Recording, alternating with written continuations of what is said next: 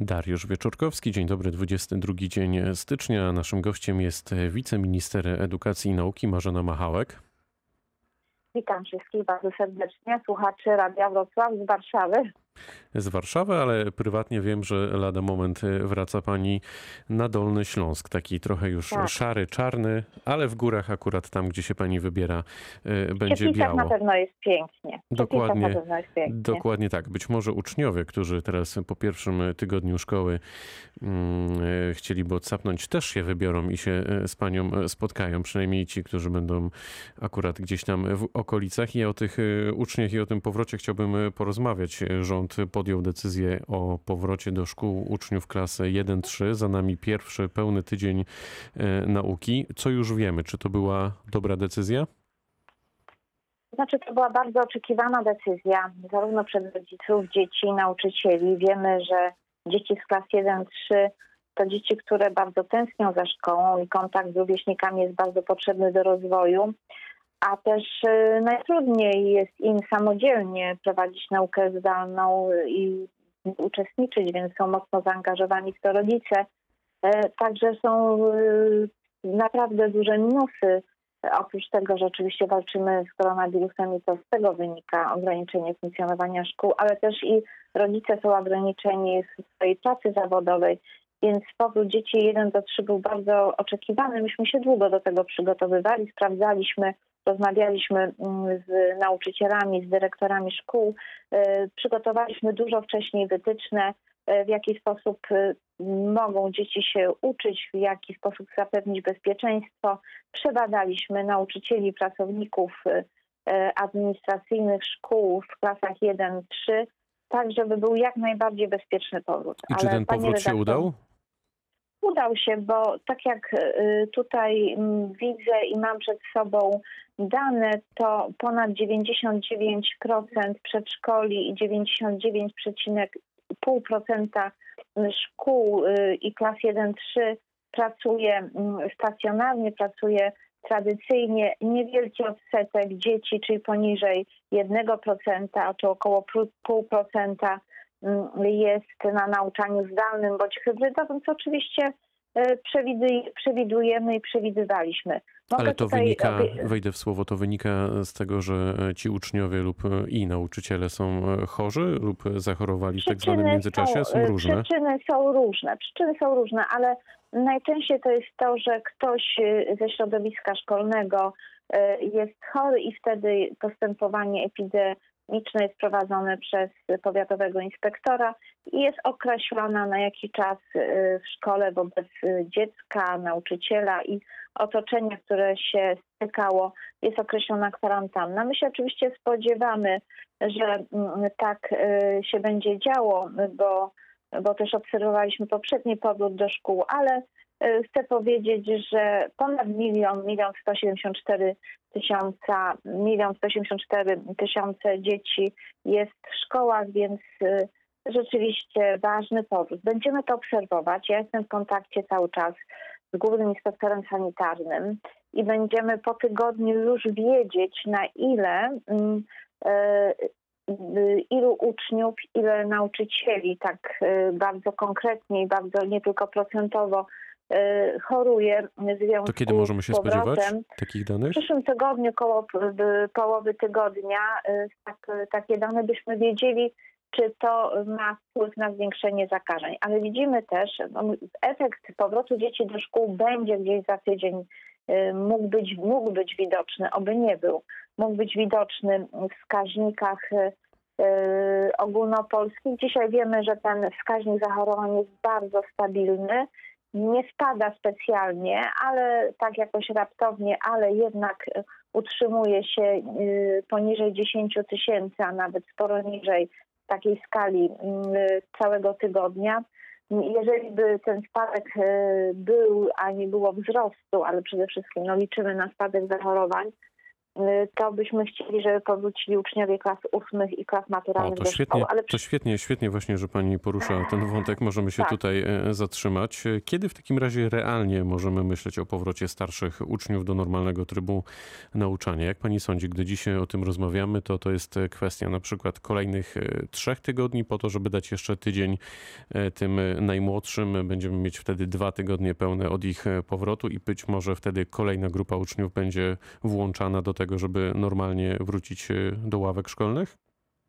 Z punktu widzenia ministra edukacji, to z punktu widzenia dobra dzieci i młodzieży, to my byśmy chcieli, żeby jak najszybciej, ale myślę, że przez najbliższe 2-3 tygodnie będziemy obserwować właśnie, jak się ma powrót dzieci do szkół na wzrost zachorowań, jaki jest odsetek wśród tych zachorowań nauczycieli i uczniów, a tak naprawdę y, ja obserwując, co się dzieje, ja uczestniczę prawie we wszystkich zespołach zarządzania kryzysowego pod przewodnictwem pana premiera Mateusza Morawieckiego i, i tu dyskutujemy i te wszystkie decyzje nie są decyzjami prostymi, ale tu główny mm, jakby wpływ na te decyzje ma ilość zachorowań Rada Medyczna przy premierze, e, minister zdrowia e, i, i wszystkie aspekty są brane pod uwagę. To nawet nie przenoszenie e, między dziećmi zachorowań było przyczyną ograniczenia funkcjonowania, ale w związku z tym, że wrócili wszyscy uczniowie do szkół, wrócili wszyscy studenci, była zwiększona mobilność, zaczynała się druga fala, więc należało to ograniczyć. My jeszcze nie wiemy, jak się będzie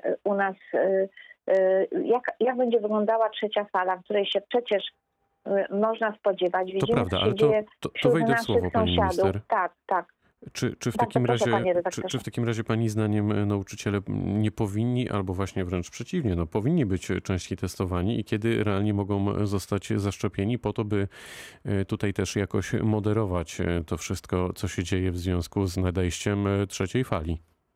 Muszę tutaj sprawdzić też panu redaktorowi, że też na, ja zgłosiłam tę uwagę do Narodowego Programu Zdrowia, aby nauczyciele byli w pierwszej grupie. Nauczyciele są w pierwszej grupie ale to wszystko musi być brane pod uwagę. Pierwsza grupa zero chyba to jest bezdyskusyjna, więc medycy wszyscy i pracujący też y, i w zakładach opiekuńczo-leczniczych, w szpitalach, osoby starsze, bo też y, tutaj jest absolutnie y, nieporównywalny wskaźnik śmiertelności wśród osób powyżej 60 i a już naprawdę idzie krzywa w górę powyżej 70-75 roku życia, więc przede wszystkim musimy ratować życie szczepionką.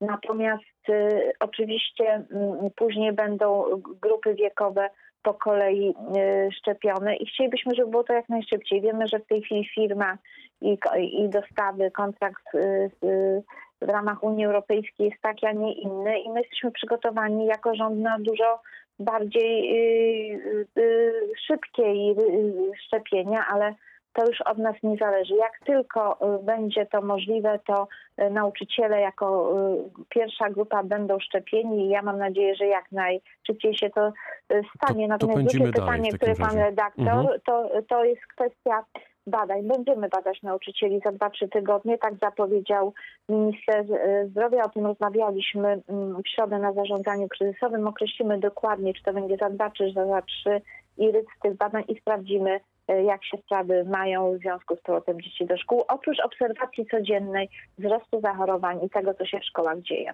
Wiemy, że w resorcie toczą się badania i analizy skutków zdalnej edukacji dla dzieci. E, czy macie już pierwsze wnioski, czy coś może Pani już zdradzić na ten temat?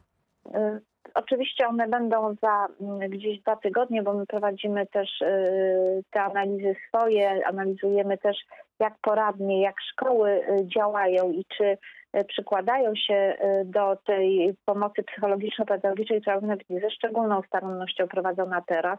Przypomnę, że od 1 stycznia też jest e, poradnia online, zawsze jest jakieś wyjście, gdzie różne podmioty mogą pomagające dzieciom, młodzieży, nauczycielom i rodzicom działać. Natomiast my chcemy też, bo my cały czas przewidujemy, jakie ma skutki nauczanie zdalne, że, że jest negatywne, że jest odosobnienie, że jest izolacja, że są napięcia, ale też widzimy pozytywne skutki i w tych y, naszych pierwszych rozmowach, badaniach wychodzi też, że w wielu wypadkach zaciśniły się więzi między szkołą a rodziną, to jak chcieliśmy y, włączyć rodziców do współpracy ze szkołą, to to się stało.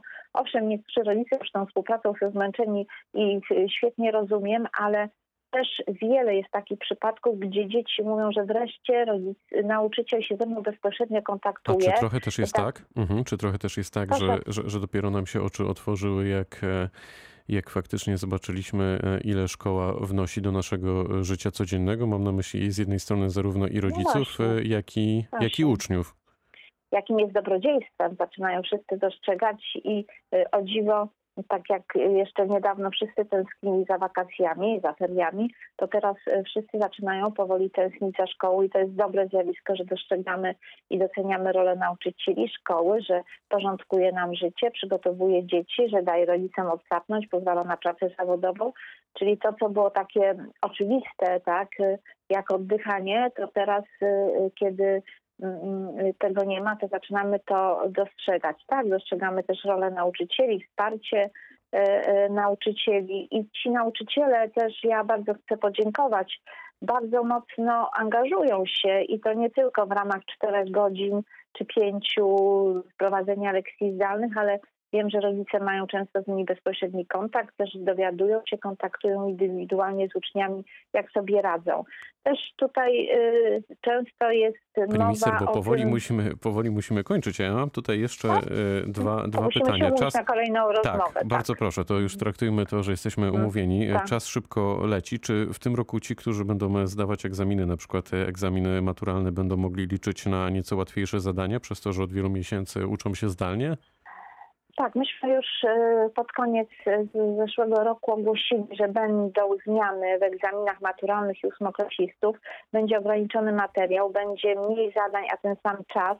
E, Podstawy programowe niezmieniane, ale w ramach tych podstaw programowych zmieniamy wymagania i wymaganiami będzie to określone.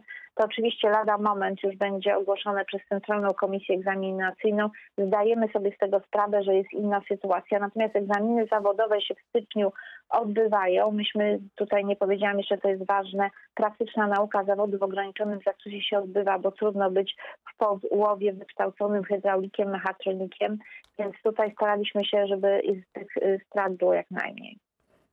Wiceminister Edukacji i Nauki Marzena Machałek była dziś gościem rozmowy Dnia Radia Wrocław. Bardzo dziękuję pani minister. Dziękuję serdecznie, pozdrawiam, dobrego dnia życzę. Pytał Dariusz Wieczorkowski. Również dobrego dnia, dobrego weekendu.